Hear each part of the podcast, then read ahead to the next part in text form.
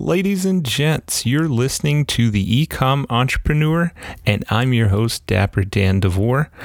What you're going to be hearing today is an interview that I did with Cayden Jett. Now, a lot of you probably know him from Instagram. He has a very interesting Instagram profile, if I must say. Now, what we covered in this interview is we covered a ton of his selling history, and that he actually used to own a franchise. You'll find out what that was in the episode. He gives some great advice to anyone thinking about getting into reselling. Then we cover a little bit about the Victoria's Secret Instagram posts and the money, the good money that is that you can make uh, going to Victoria's Secret and then flipping that onto certain platforms. Then there one of what I thought was one of his best Instagram posts uh, was how he bought sixty-seven thousand dollars worth of bats for one thousand five hundred dollars. He he goes over that story and it's just it's really really neat. You'll you'll just have to listen to it. Then uh, we get into we get into Toys R Us and why exactly they went bankrupt. Very good stuff.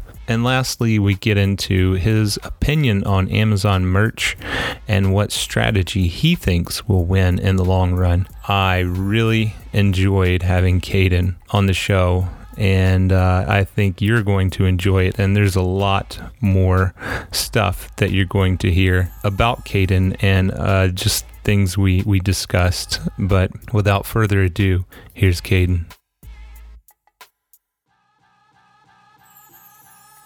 Hey, Cayden, it's my brother from another mother. Uh, welcome to the show. I'm so glad to have you on. Um, now, I've been following you on Instagram for a while now. We've talked uh, back and forth a little bit on on Instagram, just uh, you know, clowning on each other and stuff. But uh, we have fun. Um, and uh, you even said uh, that's why I said that in the beginning. Uh, you're my brother from another mother. Um, but uh, welcome, welcome to the show. I, I appreciate you being on, Cayden. Thank you, Dan, and I'm honored to be here. And first and foremost, respect the heck out of you, not only as a father, entrepreneur, but as a reseller. Um, a lot of my followers call me the ninja because I don't really post often. I'm not like the guy who makes stories daily. I rarely go live or collaborate on YouTube. Um, well, YouTube yet, keyword yet. yeah. So today, um, you get to really see the Jett in the wild. So fire away with questions, and I'm happy to answer and give some insight. Cool. Yeah. I mean, I didn't even, until you said that, I never really thought about it, but I don't think I've ever seen a live that you've done on Instagram. I mean, I'm sure you've probably done at least one, right? Yeah. I mean, I've tried it out a few times. Um, over a few issues, I've went live at Nike outlets. I actually, when there was a lot of buzz going around about racial profiling and the incident that I went into uh, in this last December, I went live and I actually received overwhelming support um, from the Instagram community. Um, I should really go live more often because it was pretty awesome. Um, I plan to do that in the in the near future. Yeah, and uh, and I noticed uh, you. What do you have you done any stories also? I haven't. No, no. it's like it's there's so so in demand. A lot of my followers are like, "Why don't you post stories? Like it would be really awesome to know your day to day." And um, I've really kind of stayed away from that just because right now I'm quote unquote hustling harder than I I've ever have in my life. I'm kind of in that period in my life where I need to really um, identify how to scale my business and devote all my time and resources to making my business better each and every day, and also just be a great father to my son.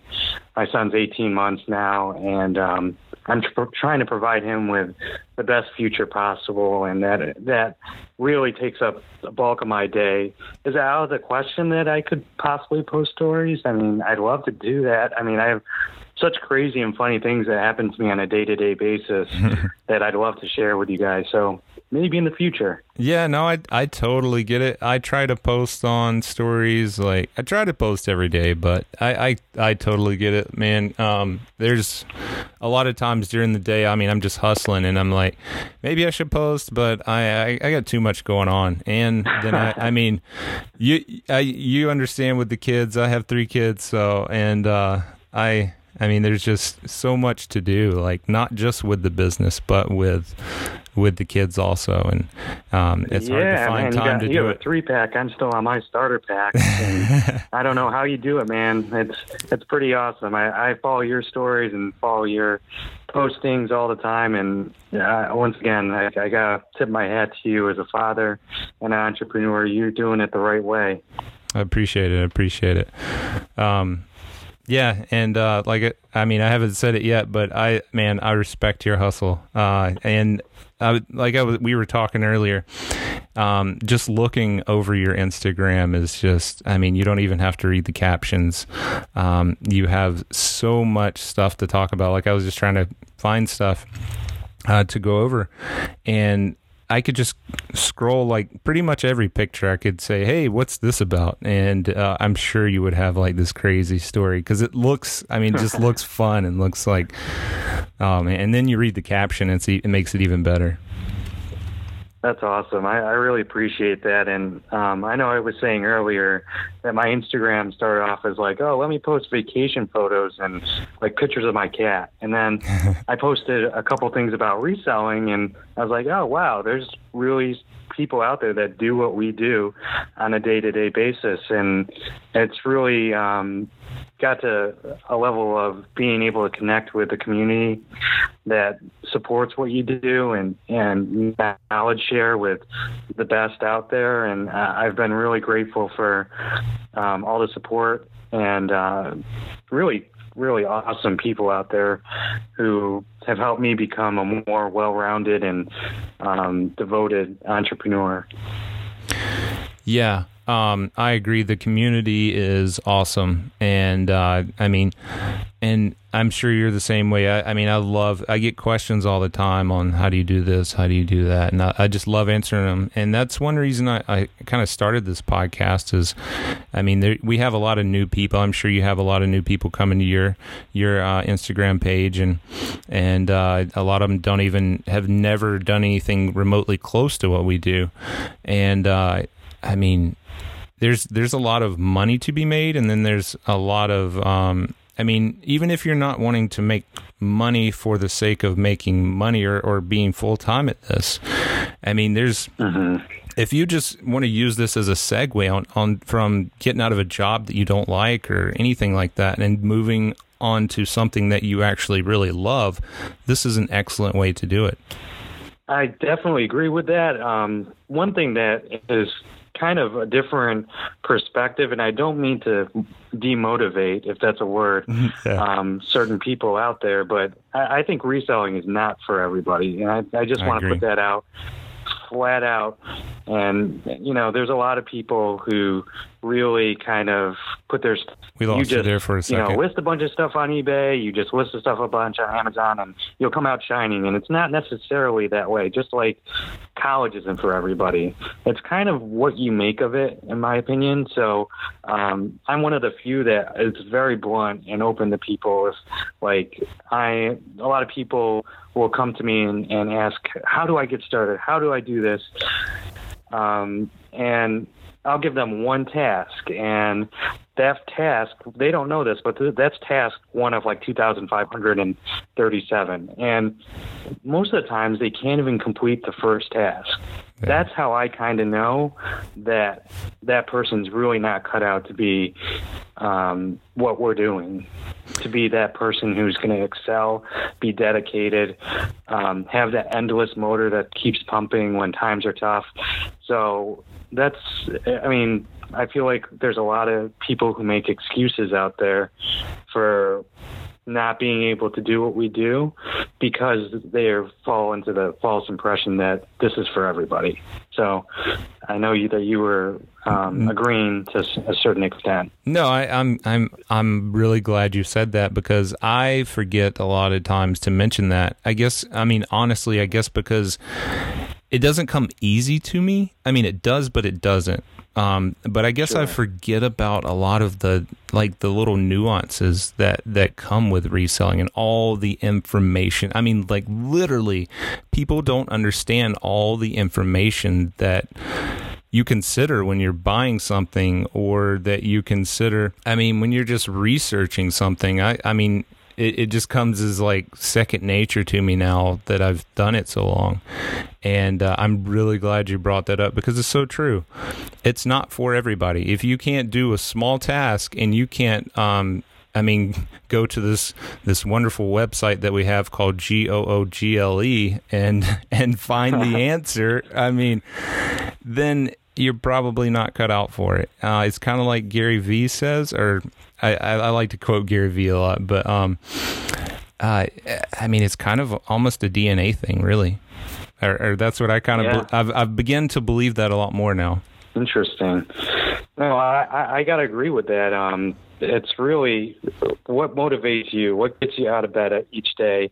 Um, you really got to love what you do. Like I always, you you'll learn more about me, but it's kind of like I've been in different industries. I've been through places where I hated it and still somewhat excelled, but I didn't really start excelling at what I did until I actually loved what I did.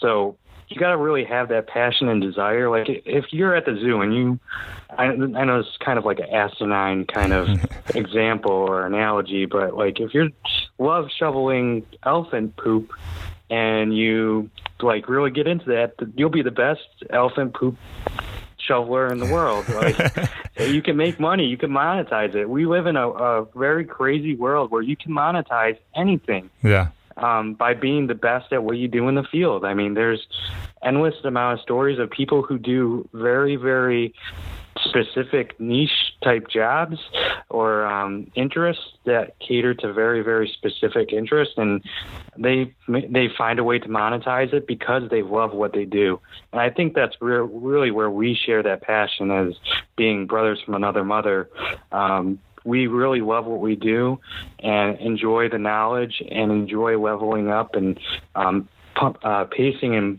pumping um, the reselling uh, community up and building that morale. So um, I think that's really kind of the similarities that we share when it comes to being like-minded. Yeah, I would I would definitely agree with that. Um, now, I I wanted to cover a little bit about you. Um, there was, uh, I mean, I have so much here because, like I said, you have so much good good content. But uh, anyway, here here's a funny one, or I guess it could be kind of funny. I I mean, I've got to ask you, man, what is up with Victoria's Secret? Yeah, I'm that guy, man. I like. uh, I, I, mean, I've never sourced there, and I've never even thought about sourcing there. Um, I always think. Uh, I, I, am okay. I'm gonna try to source there, and then I'm gonna go in there, and they're gonna be like, all these women are gonna be looking at me like, who is this creeper? I mean, they're gonna be staring at oh, me. Oh, I know. browsing hey, the print, the panties and bras. Doing it, yeah, man. I mean, when I first started doing it, it was very, very awkward, but very, very profitable. So I had to make that decision on whether like it was more um, beneficial to be awkward and profitable and rich when I walked out of the, those doors, or if I just want to avoid the awkwardness and you know source it like Foot Locker or something. so the deal with Pax or um, um with uh, Victoria's Secret is they they have a very very unique system, a very awesome couponing system, and um, I keep in touch with probably five or six regulars on Instagram who like they're my Victoria's Secret girls, and I, I don't mean to sound weird, but they they let me know what's going on with the stores. I let them know what's going on, and we have our own little like mastermind group with it. And you could make a lot of money because Victoria's Secret actually gives away a lot of stuff. Man, and they have a I really to, awesome clearance cycle. I need to get in on this. I, I've been like I've been considering it, but that was that was my main like kind of thing. I was like, I don't know if I want to do it, but if it's as profitable as you say, you're gonna have to hook me up. Yeah, I mean, like I said earlier, you have to love what you do, and if you're into like scantily clad glamour models running the the walkway and in brasiers and stuff, man. Um, you'll you'll be very good at what you do, but no. in all honesty, I am um, I'm very good at, at Victoria's Secret because I know the system, um, and I don't have any shame in going in there. I love I love the money more than I love being embarrassed. Actually, the, the girls at the Victoria's Secrets and the surrounding tri-state area, they all know me because I go in there and I drop twelve hundred dollars on bras and like glitzy, glammy pink stuff. So it is what it is. So do you flip those on um, on eBay, Poshmark, Amazon, where? Um, actually, a little bit of both. Um, on on eBay and Amazon has started to take in some of the SKUs, but uh, mainly eBay. Uh, uh. eBay. Um, with Victoria's Secret, eBay is a great place to flip it because not only does is there a market for people who appreciate the new stuff that Victoria's Secret's releasing, but also the stuff that's discontinued. So I could go on and I could educate you about like discontinued SKUs and styles and um, limited editions and collaborations with Victoria's Secret. I sound like a, like a crazy nut, but like all this stuff at the end of the day equates to money. It equates to a great profit margin. Um, and if you really know the system and are a great profit margin for the person who wanted that style that's discontinued, hey, I have no shame in doing it. So uh, I could really start a course on it, and you'd be pretty amazed at all the intricacies that this store has. That's funny. Oh man. Um, yeah, I, I, when I when I saw that first post I saw of you with just like the Victoria's Secret bags, and I was like, "What? There's money to? I mean, there's money to be made everywhere." But I just, I guess, I, I mean, before you, I saw you on there, and never thought about Victoria's Secret. I, I and I don't know if it was just because I scared to go in there like by myself, or I don't know. I don't know. Just never thought of well, it. Well, I'm also that guy, you know, ripped jeans, Nikes, you know, uh, streetwear top, like spiked hair. Like I don't look like your typical guy that's going to go into Victoria's Secret, but you can't really discriminate like in what you uh, want to sell because the market is not gender specific. So if you're selling something that's all, only an all male product, you're only going to be the best at all male product. There's a whole different side, which is female product. Um, you know, I owned and operated um, two Plato's Closet franchises, and 90% of our uh, apparel that we sold there was female. No um, wonder based. you're so good at this. ah, yeah. I was gonna fact, but I, I was gonna ask you about your franchises, but go ahead. Sorry. Oh no! I, I when I had um, the franchises, I needed to be good at learning all the the female brands because it was ninety percent of my business. If I didn't capture um, knowledge about those ninety percent of brands, then you know what? I'm ninety. I'm ninety percent defunct and incapable of taking my business to the next level. And I'm was not going to succeed just by knowing the male part of things. And I understand, you know, it could be less interesting, and you don't, you might not have that desire to go into certain um, genres of uh, and categories of reselling. But it's good to stay versatile because you can. I can literally go into probably eighty percent of malls, pick out something from each store, and be like, okay, that's gonna make me three or four times my money, which is pretty pretty cool and pretty awesome, and keeps you um, uh, hedges you away from all the risk that if one store goes out, hey, you have another store to go to, or if this store has a bad clearance going on or a bad discontinued section, you can always go to another option. Yeah, um, I totally agree. I mean, honestly, I haven't been into women's clothes or anything for, I mean, my whole reselling um, for the most part. I mean, except for beauty products. I mean, I was doing beauty products whenever I first started Amazon back in 2013, but and I and, and I know a good amount about it because of that. And I've just started getting into women's shoes in the past few months, and man, they are probably some of the most profitable and um, the quickest selling. And I think it has a lot to do with, I mean, if you look at marketing and if you study marketing at all, uh, you know that women, uh, it's just a fact. It's not discrimination or or bias or anything like that. But it's it's yeah. just a fact that women are more likely to buy something than men because they use their emotions mostly um, to buy. To when they're buying, they use their emotions a lot to buy something compared with men who are more kind of like, eh, uh, don't really care. I mean, you know, most men don't aren't just going to go out shopping for clothes just to shop for clothes, and women do it just to look a lot of times, you know. So yeah, no, I, I completely agree with that. Um, women buy sometimes emotionally, but um, also when it comes to women's footwear, it's something that you got to think about. Like women love buying footwear, and it's a quick seller because it doesn't have it's doesn't fit like a dress. Like if, like dresses tend to sell slow online. There's certain other subcategories of clothing that sell slow, but like people know the size of their foot. And if you want to go brand specific and say, okay, Nike's run a half size smaller, all that information is out there on Google. Um, generally, I like to, as you know, I'm also really big into the sneaker hustle game, and yeah. um, I found it to be very profitable because for the reasons that we are talking about, people know their their shoe size, they know what they like, um, they know the brands pretty well.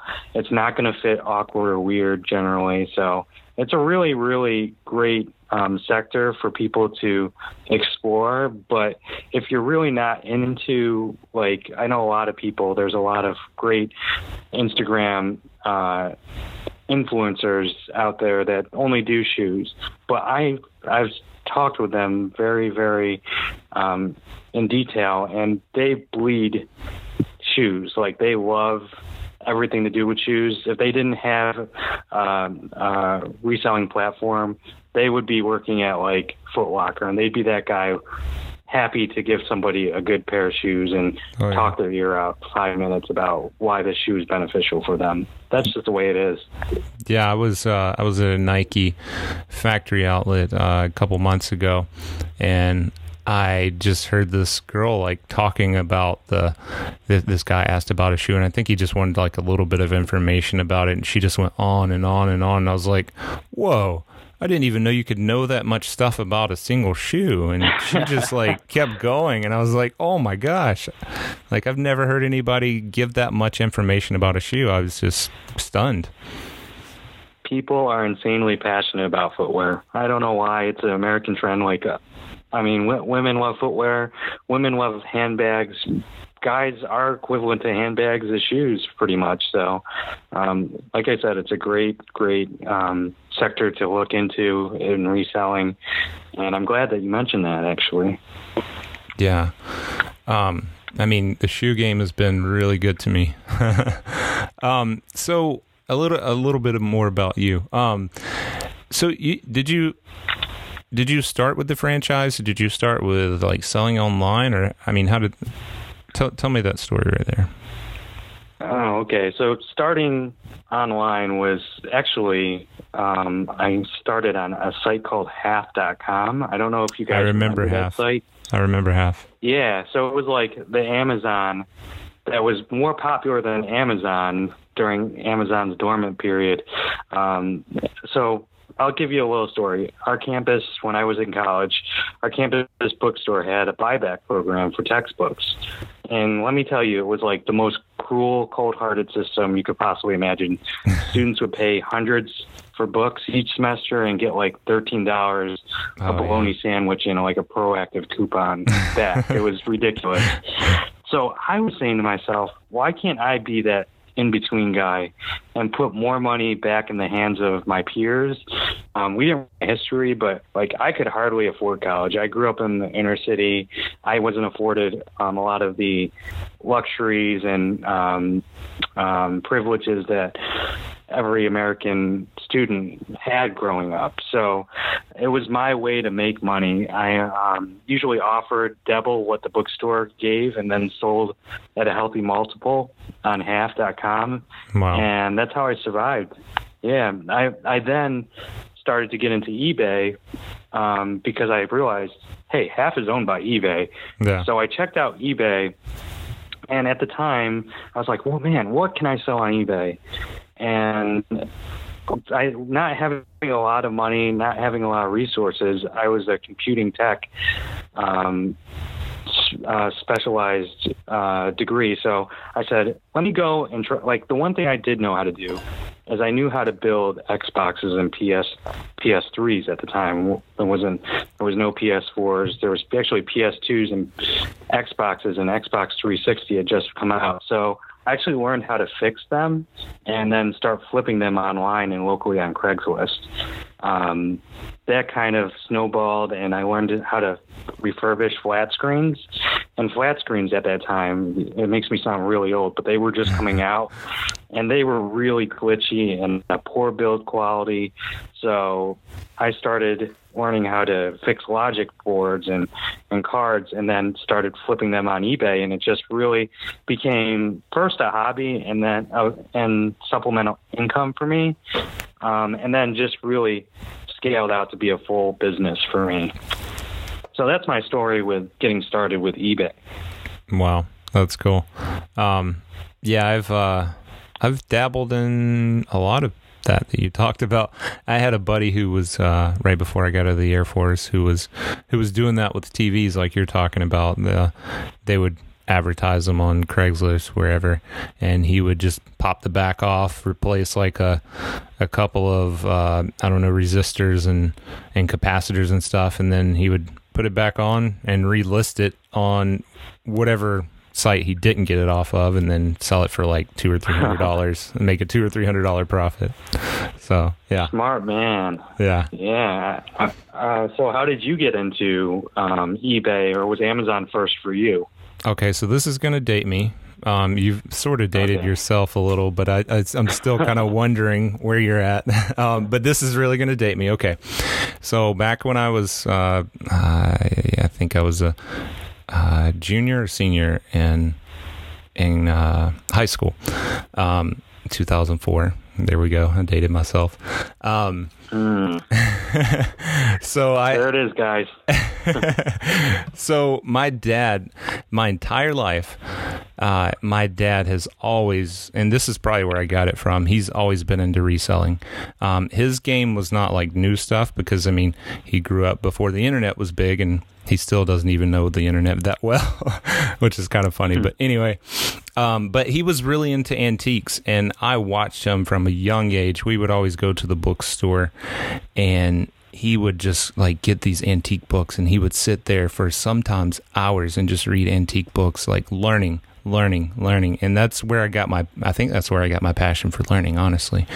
Um, and and the dedication to what I do, I think. Um, but anyway, so he would learn, learn, learn, and he would just go to these garage st- garage sales, these estate sales. I mean, any sell. I mean, like literally, if he we were. I mean, I remember hundreds of times driving down the street and my dad would be looking at porches and stuff and he'd be like hey there's a piece of pottery on that porch he would stop the car right there get out knock on the person's door and be like hey do you want to sell that because I mean, sometimes he would spot some really good stuff. I mean, just driving at like 40 miles an hour, and uh, and they'd be like, "Sure." He's like, "I'll give you like forty dollars for it," and then he'd flip it at like the flea market the next weekend. And uh, Wow. but okay, So, so, that that blood that was already in you. You had that DNA in you already. Oh yeah, yeah. I mean, like my entire childhood. Um, but that was the backstory. Now here's how I got into it. My dad. Um, so we went to flea markets all the time, resold stuff, auctions, all that kind of stuff. Um, well, I was I was really into technology and the internet and stuff, and we had just gotten. Uh, well, we'd had the internet for a while, but eBay was starting to get kind of big back then and I was like, "Hey, Dad, let's take this stuff." I was like, "Look how much this is selling for on eBay." I'd, I'd get some of his stuff. I'd look it up. Be like, "Look how much this stuff is selling for on eBay," and he'd be like, "No way." So he'd be like, he'd be like, "All right." I'll write the description, you list it, and when it sells, you'll get part of the, or like 40% or 50. I don't remember how much, but anyway, you'll get a cut of the profit. And I was like, all right, cool. And uh, so, right, uh, I think it was right when I was in 12, got into 12th grade. Um, there was one week where I mean we list I listed a ton of items and like we made like twelve hundred dollars in one week and I was like oh my god that's that is the period where I realized that the internet was huge and that that you can make like a living off of the internet and uh, I wish Yeah. I I I mean can't do anything about it now but I wish I would have kept following that but I ended up going into the Air Force, which wasn't a bad thing. I mean, it, it, helped me a lot and let me learn a lot of things. But that's my story on eBay. So Amazon, I uh, about 2013, I listened to a podcast and I heard this lady talking about, hey, I, I go and buy stuff at like Walmart and Target, and then uh, I scan it with this app, and then I I resell it on Amazon for like three times as much. And I was like, there's no way. So I went and downloaded the app. I went and downloaded the app and I, I was like, my, at that, this time I had no kids. I was like, hey, uh, told my wife, I was like, I'm going to try this out. If it works, I'm to get, get into it. She's like, all right, cool. So we went to like Walmart or wherever it was and I started scanning stuff and I started finding stuff that was profitable and like, and I, and literally what I did, and this is one thing that um, people ask me all the time on Instagram. They're like, How do I start out? How do I start out? This is how I started out on Amazon. I went and scanned every single shelf, every single product. I mean, for like weeks, I would just go to the store wow. every day and scan and scan and scan.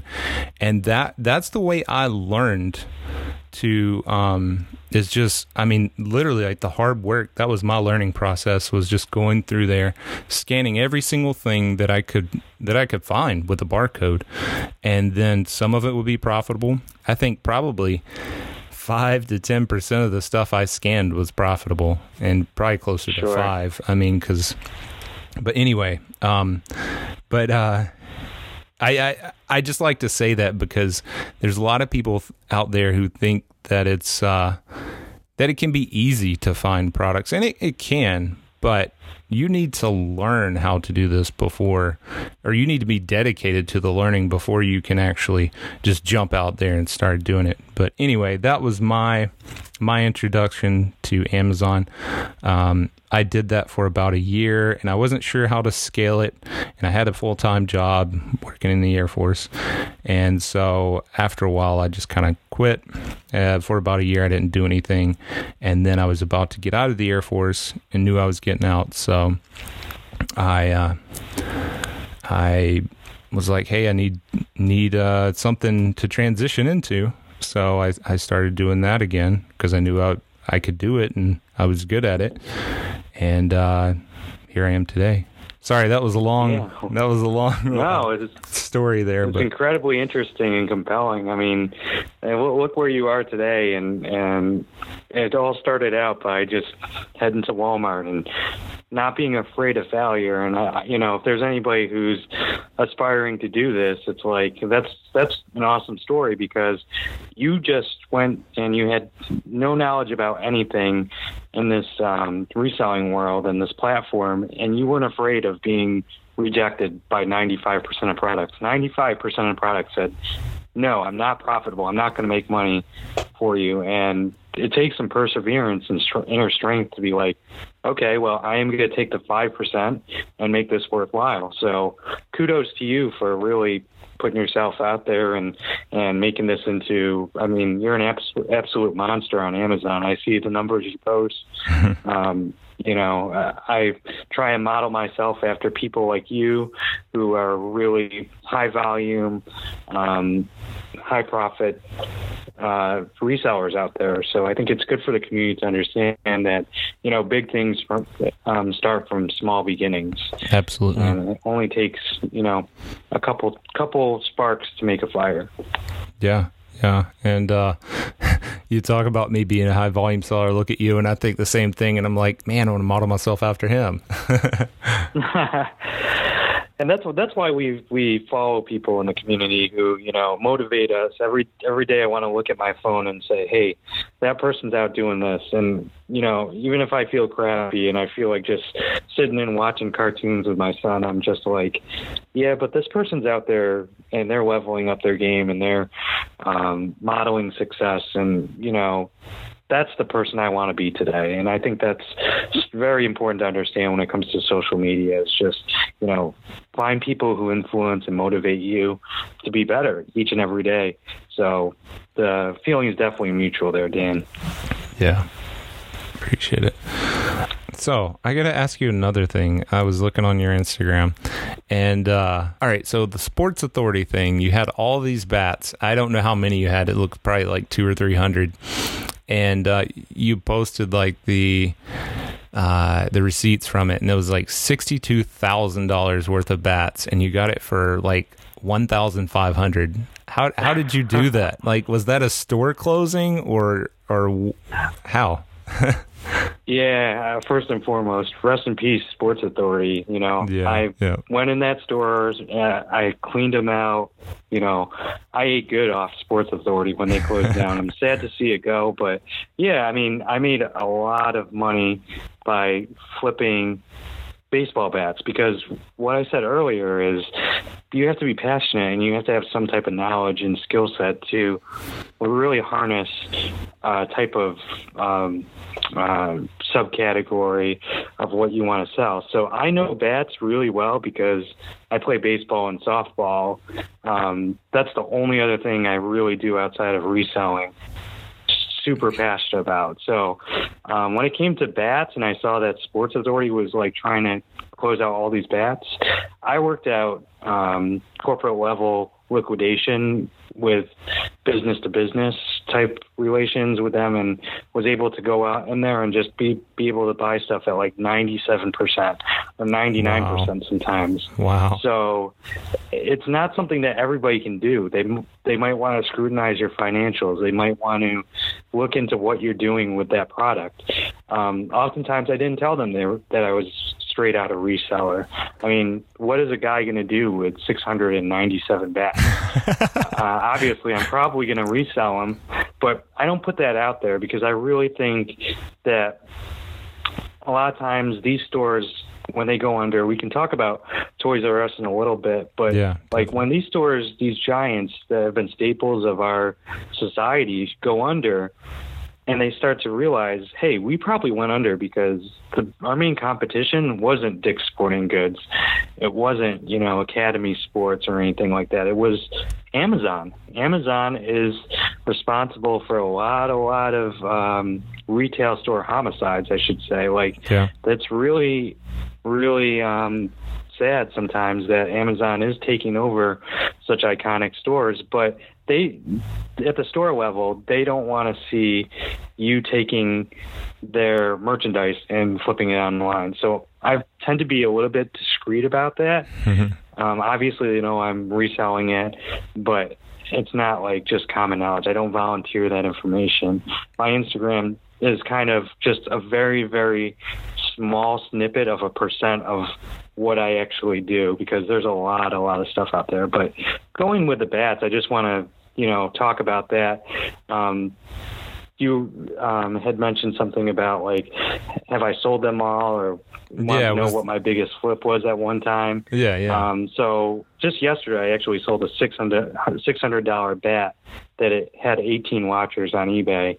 It sat there for a while, but it's crazy to think that somebody would pay $600 for aluminum yeah. bat, you know? Yeah. But here's why. Like, like when you're into sports and you're doing really, really well, sports are a funny thing. It's like you're not doing well because you have mastered the skill. Sometimes it's a, it's a um, psychological thing. The coach, Cayden Jett, right now is like going through all my sports memories and being like, okay, I was good at this because my sports equipment.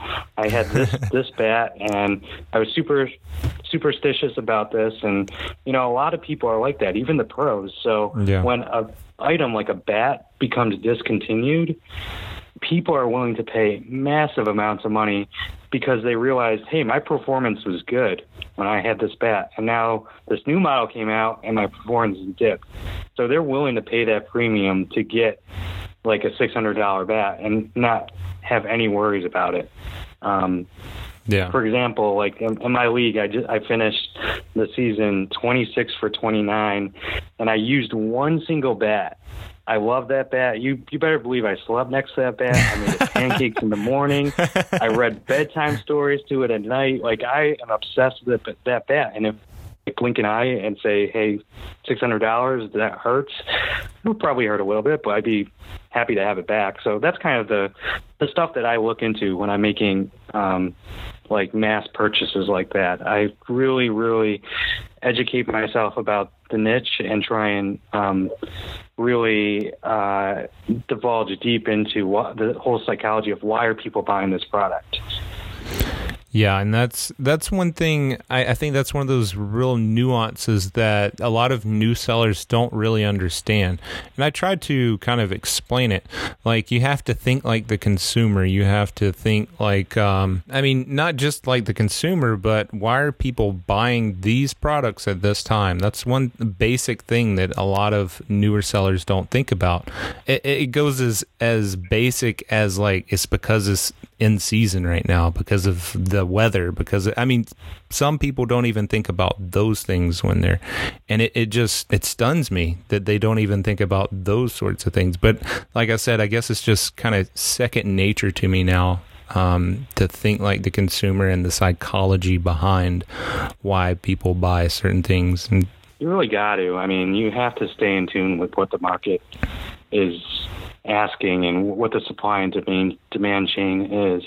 Um, that's how successful people adapt their business. That's why we're seeing the cemetery of brick and mortar stores because these stores aren't adjusting to our times. They're not um, catering their business to fight Amazon, and it's really, really um, uh, sad to see these stores go under, like I was saying before. But they're not adjusting. They're not yeah understanding the consumer side of uh, the convenience of of let's adapt to Amazon. They're doing you know a thousand things right, and we're doing a hundred things right, but they're blowing us out of the water. So there's really a very very huge difference right now between the way Amazon is.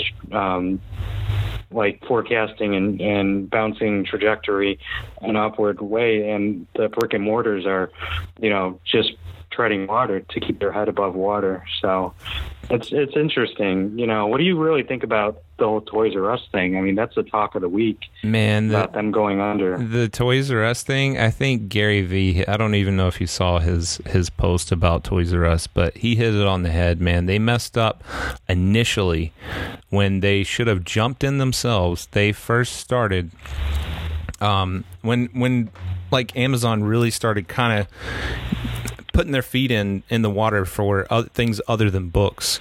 Um, Toys R Us didn't believe in the internet, so what they did is they were just like, "Hey, yeah, yeah, Amazon, just handle all of our." All of our toys and everything. You handle distribution, that sort of thing. We'll sell to you, whatever, because we don't believe in the internet.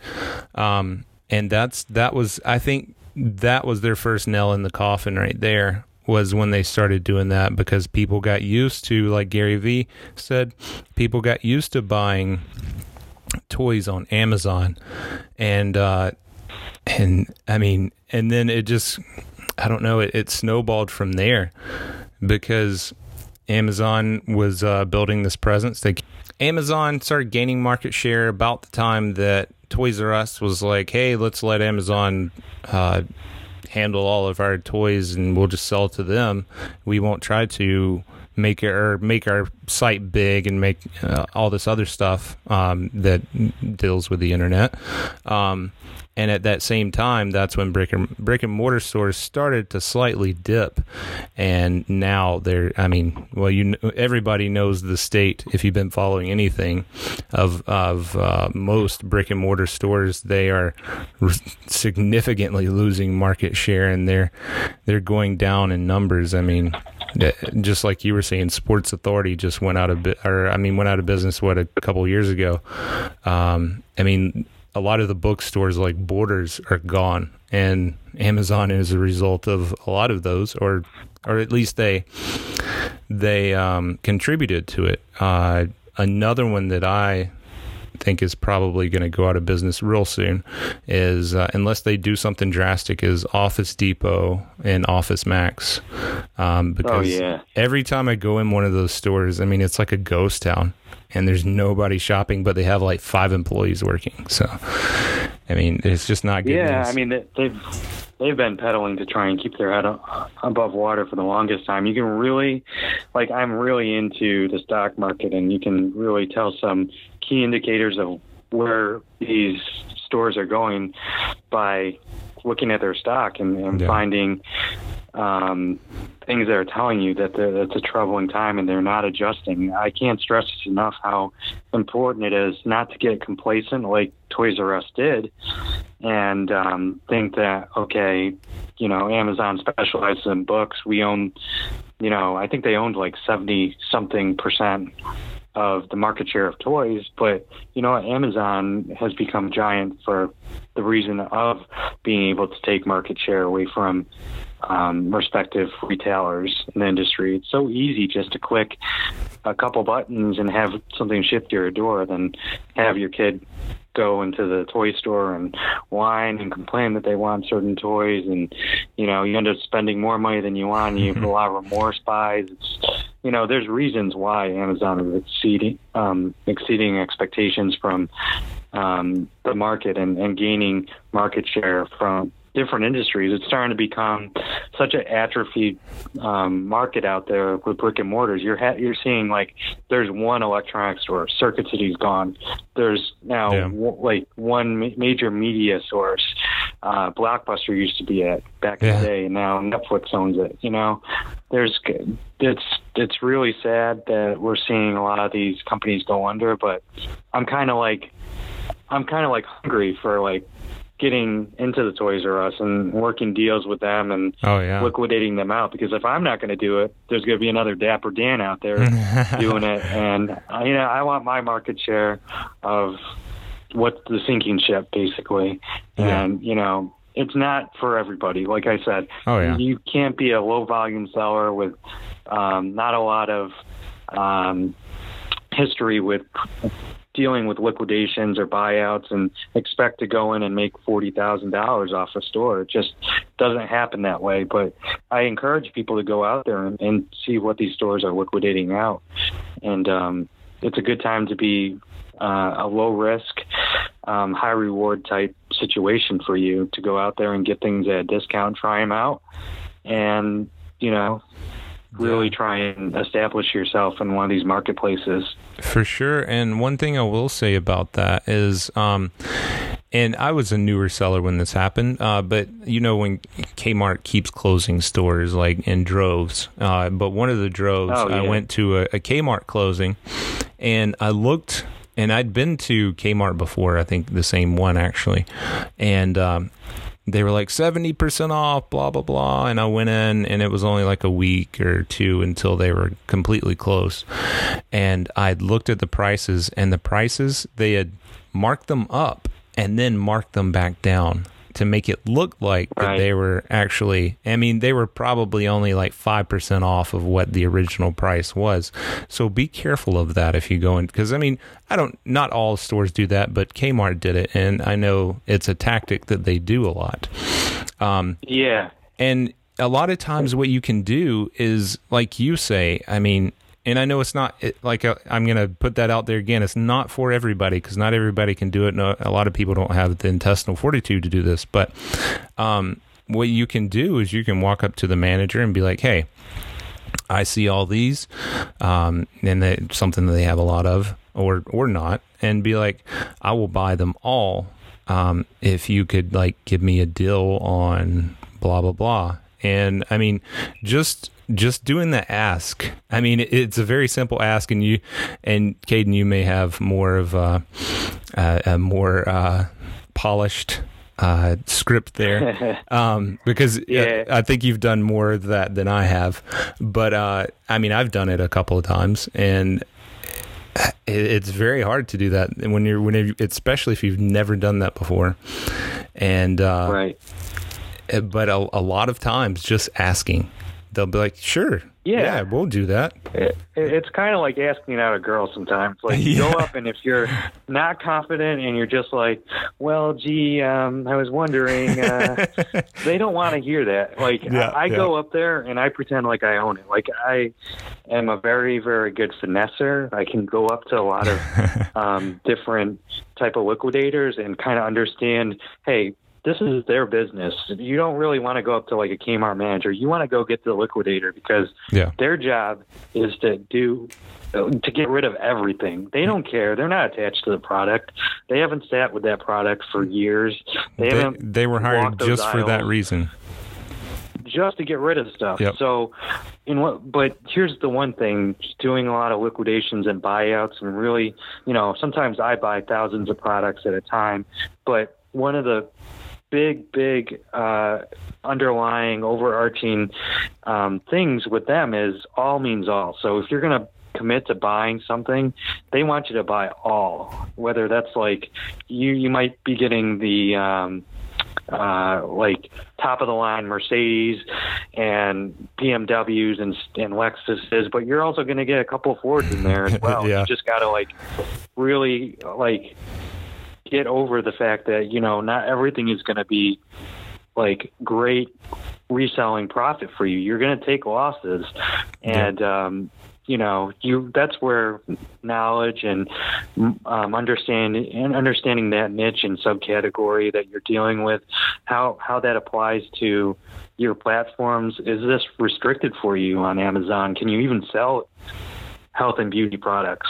Yeah. Find that out before you even go into these places and start slinging around money because like that's that's where a lot of people get really really confused. They want to do what all the big boys are doing, but you really have to do your homework before you start to take on the test and know what platforms you're going to you're going to um like you were saying, know what platforms you're going to put it on before you even uh, go out there and try to buy stuff.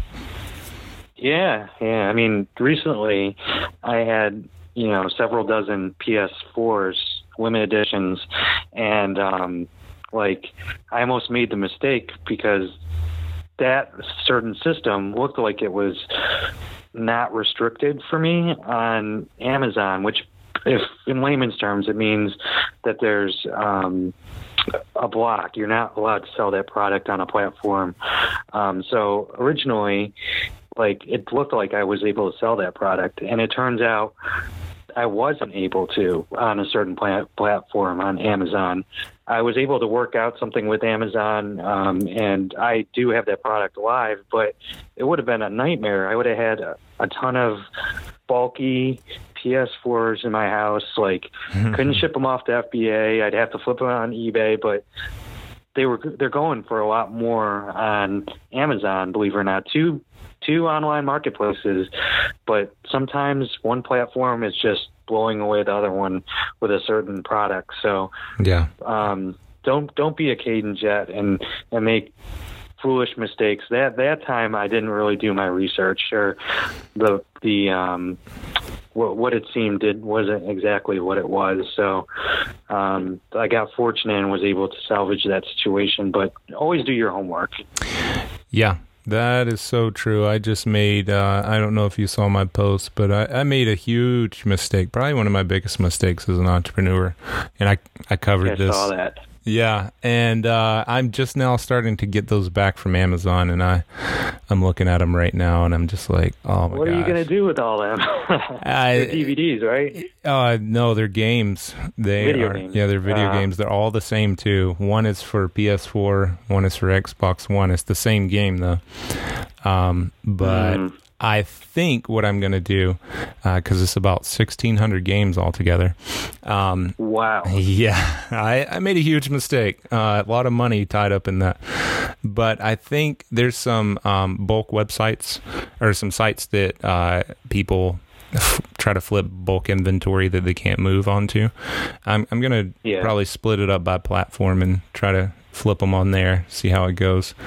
Uh, if I can't get the price that I want, then I may bulk it up on eBay in lots of I don't know uh, twenty or so, and do it that way. But I'll eventually get rid of them. Um, Yeah. ho- you the best hopefully, of luck. I mean, hopefully I don't lose a whole lot of money on it. Yeah, I, I I think that you'll have options. You'll you'll find something out or figure it out. There there's a lot of we could talk offline about this, but there's certain websites that you can kind of just liquidate out, and you'll get pennies on the dollar, but something back.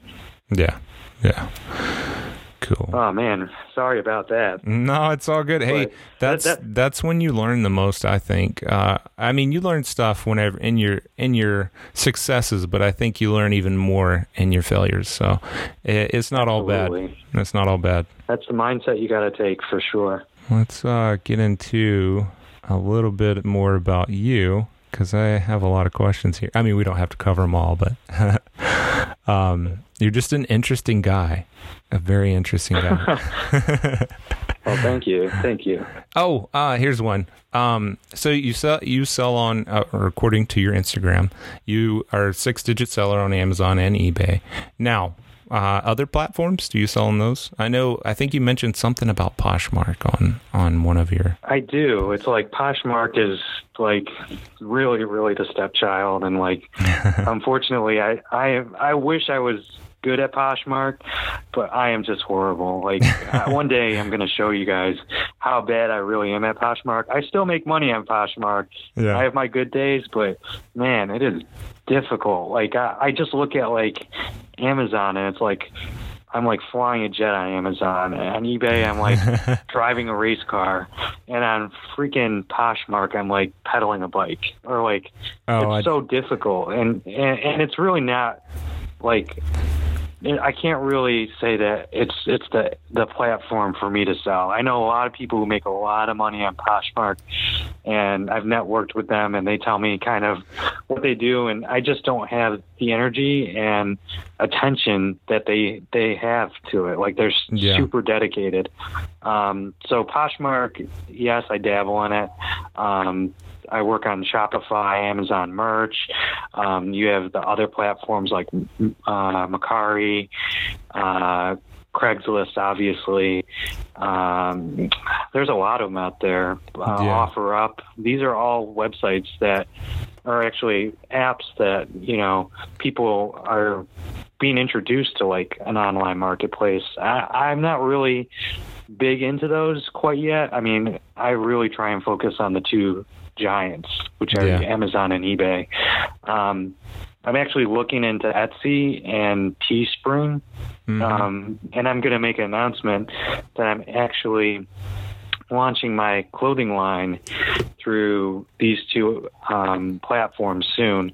So it's awesome. entrepreneurial, like curated um, branding of clothing line that it should be super interesting. Um, I'm going to release more details when they become available. That's cool. Working with my designers, um, I hope to really launch that like in the next couple weeks. So here it is, debuting on the Dapper Dan show is my um, new clothing line, and um, you know that, that's exciting because you got to stay versatile. You can't really. I feel like I know a lot of people that are really good on Amazon, and I know a lot of people that are really good on uh, eBay and some on Poshmark, and like you got to be multi-dimensional in Yeah. this field because you're one Amazon suspension away from being really screwed or Yeah. one eBay violation from not being able to list. And, you know, you got to make um, safeguards and learn platforms to really optimize your profit.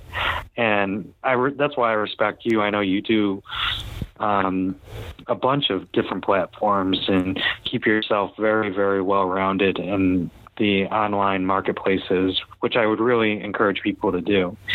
You can specialize in one and be an expert in one, but still really dabble. Try and get in there and see what all the, the hype is about others.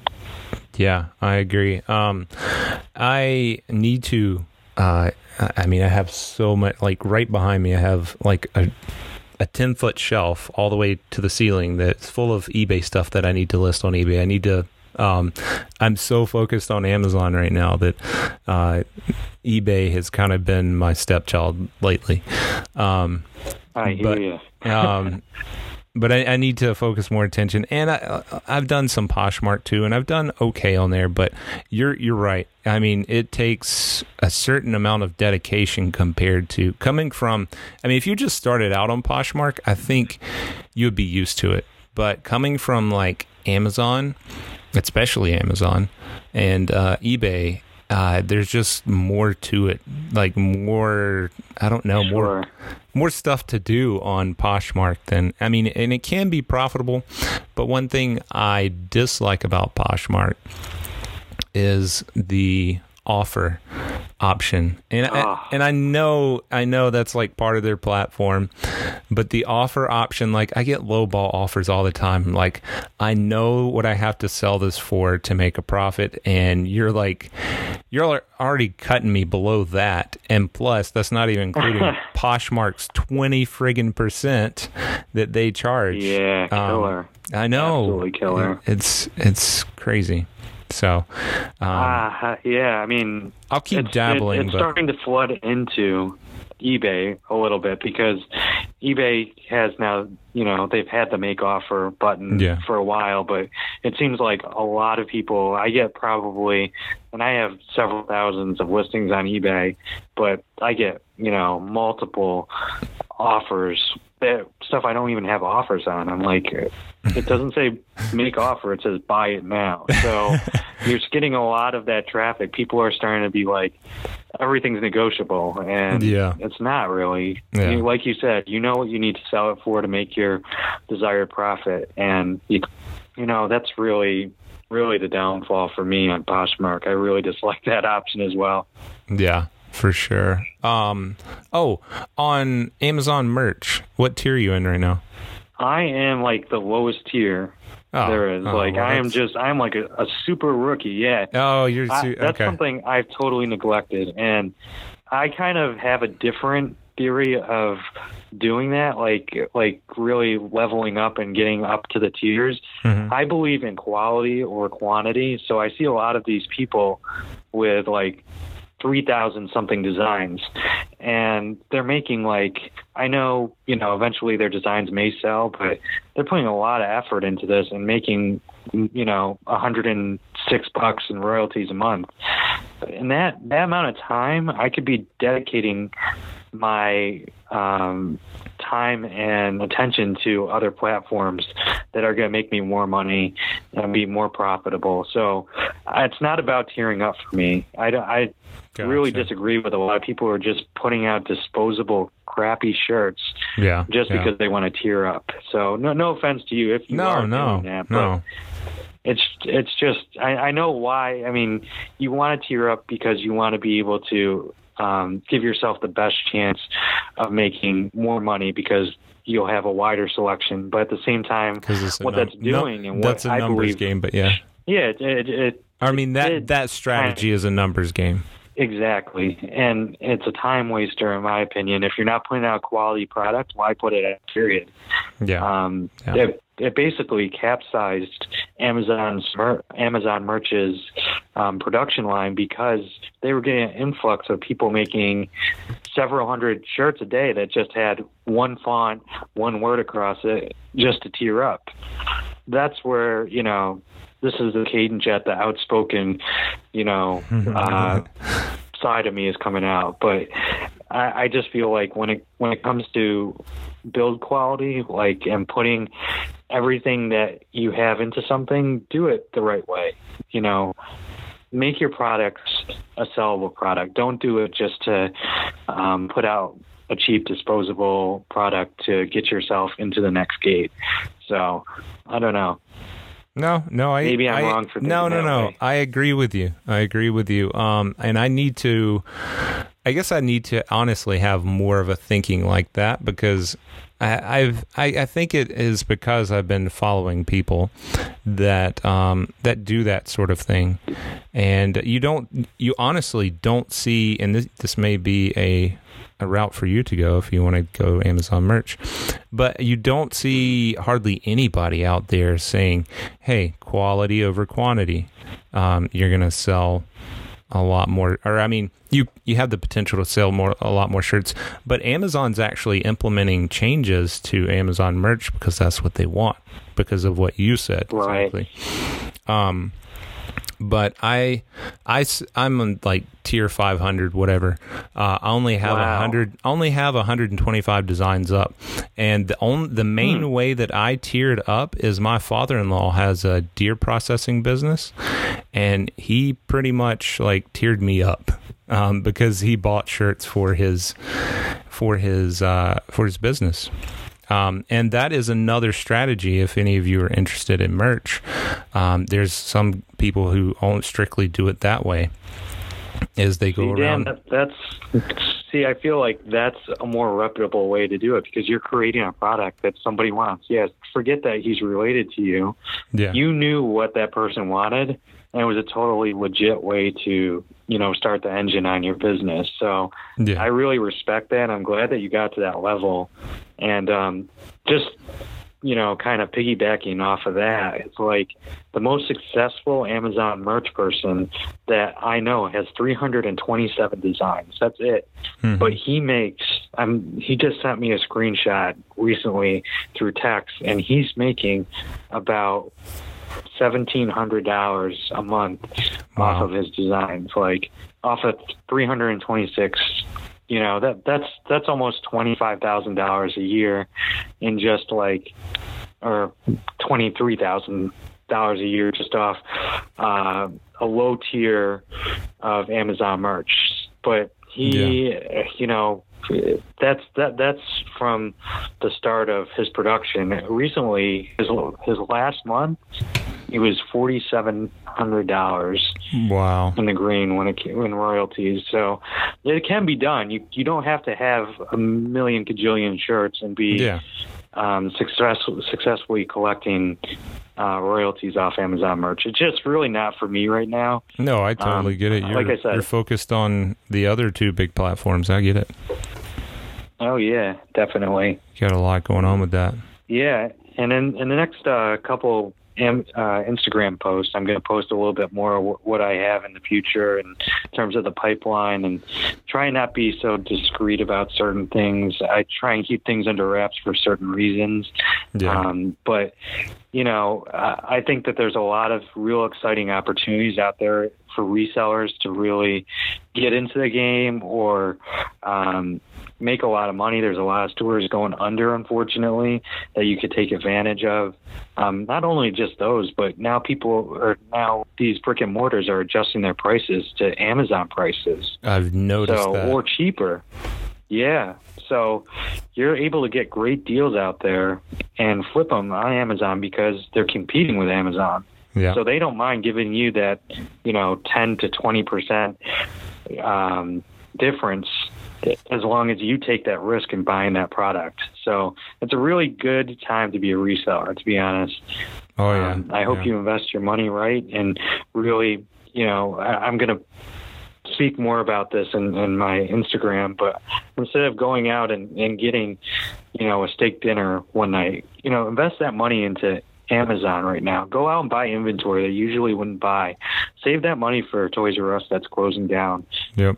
Put that money into stock market and and well well it's on the upswing or get into cryptocurrencies. There's so many different buckets that I'm dropping my money into to basically hedge against any type of, you know, economy downfall or um, financial crisis that could happen with all the industries. So I really encourage that. Yeah, I agree. I agree. You pretty much said it all right there. But uh, yeah, I know. I, totally just agree. threw a lot at you, but I mean, No, no. that's my mind running 100 miles per hour. Like, You're good. I mean, it's it, this is good content, man. I appreciate it. Here's one thing that uh, I'm really curious about. I I know how I do it, or have done it in the past. How do you track all of your cost of goods and profits? Do you have like a spreadsheet? Do you use a program, or or what? oh, I am so bad with that because I I just am have too. so many different platforms going. Like, you're really going to see how poor of a organizer I am. Like, I actually don't have. Don't mean to call you out like that. No, I mean that's really where I want to improve, and Yeah, I'm improve sitting down with my CPA next week and trying to find tools to help me better organize um, and track my cost of goods for things. Like I I know when I go into a store, I have that mindset of I need to flip this for X amount of multiple, Yep. and that's really kind of my own type of tracking system, which is not good enough, not acceptable enough. Uh, you know, Yeah. I I eventually plan on taking this business uh, to my son and having my well my wife help out, and um, that's just not good enough. That's not going to cut it. I need to find a better way. So, do you have any suggestions and um, tracking Um. certain cost of goods and your bottom line and such? Honestly, I'm not that great at it either. Uh, I used for Amazon before I started doing the seller fulfilled prime. I was using uh, Inventory Lab for all of my Amazon stuff. Um, you just scan it in, scan all your stuff in, put the cost, and then you can even put in how much it costs to ship every package to Amazon and uh, any other costs that you have. And it, it, it's really good at that. Um, now, for eBay, I don't really have a system for that. Uh, or any of my other platforms, I don't have a system for. Um, but I know Reezy talks about uh, this. Uh, it's some accounting, some accounting um, spreadsheet. I forgot. It's supposed to be good, and that's what he uses for, for like eBay and Amazon. And I guess basically Yeah. you just put in your your how much you paid for something, uh, keep your receipts, obviously, and uh, All right, we're gonna get like chewed out by our CPAs like come another month. So I think that like we need to make a like a mid-April resolution to both get really good at um, the back end of our our inventory system and Yeah. tracking financials. You know, the, the one thing that I like to see and that I know that I'm going in the right direction is I'm being able to reinvest more money into inventory. So a lot of my friends see, you know, real life friends, people who I see on a daily basis, they're like, "Whoa, you just made like X amount of money," and what they don't really understand is, if I make fifteen grand and they're like, "Wow, that's what I make in like two months," well. A lot of that money is being reinvested into other inventory or other resources or into storage units or into tools to help me get that 15,000 into 25,000 Yep. and then in the future make that 25,000 into 50,000 it's just all about reinvesting in your company and and arming yourself with enough inventory to be sustainable yeah, to be honest. So when I see my bank account growing and I'm able to invest money into different things such as you know cryptocurrencies or getting into other type of um, liquidations and buyouts and being able to show financials that that companies want to deal with me on a wholesale level that's how I kind of know I'm growing, but still not acceptable enough. I'm really going to have to get into a better way of doing methodology of doing um, the tracking of financials. So I'm going to get on that. That's my resolution. That's what I'm taking. good deal. I'm glad I could help you with that. No, I'm just kidding. I know you're probably going to do it anyway, but um, yeah, it's uh, good uh, accountability. We'll we'll have to contact each other from uh, time to time and be like, "Hey, how are you doing with that?" yeah, definitely. Um. All right. Well, we could probably keep going for like another hour or so because I mean, I could just keep talking to you. I mean, I could. We have a good conversation here. So, but uh, I think Absolutely. I think it's about time to go ahead and wrap it up because I know I'm past, uh, probably past my hour, my my allotted hour that I like to keep, which is fine. But um, maybe we can continue this again another episode Absolutely. because I, I feel Jet like in we the could Wild have Part Two. yes i love it jet in the wild part two um but yeah definitely i i'd be down to do another show because man we we have so much to talk about and anyway but hey Cayden, i really appreciate you coming on and uh, I respect the heck out of you and uh, what you're doing, and and talking to you um, on here. I mean, has just made me come to respect you even more. Um, Awesome. you, you seem like a really mutual. good guy. Awesome, I appreciate it. But um, thanks for coming on the show. Thanks for giving those golden nuggets, and uh, there were a lot in there. And uh, just Cool, cool. just great conversation. I'll uh, I'll see you out there on inst- on the Instagram world. On the gram. Yep. I appreciate it. All right, cool. Uh, have a good one, Cayden. You as well. Thanks. Well, that's all for that episode. Guys, I would really appreciate if you would go out there and give me a review on iTunes or Google Play or Stitcher. It will help me out a ton. And if you guys got value from this, please share it with somebody who needs it. I thank you so much, and I'll see you guys on the next episode.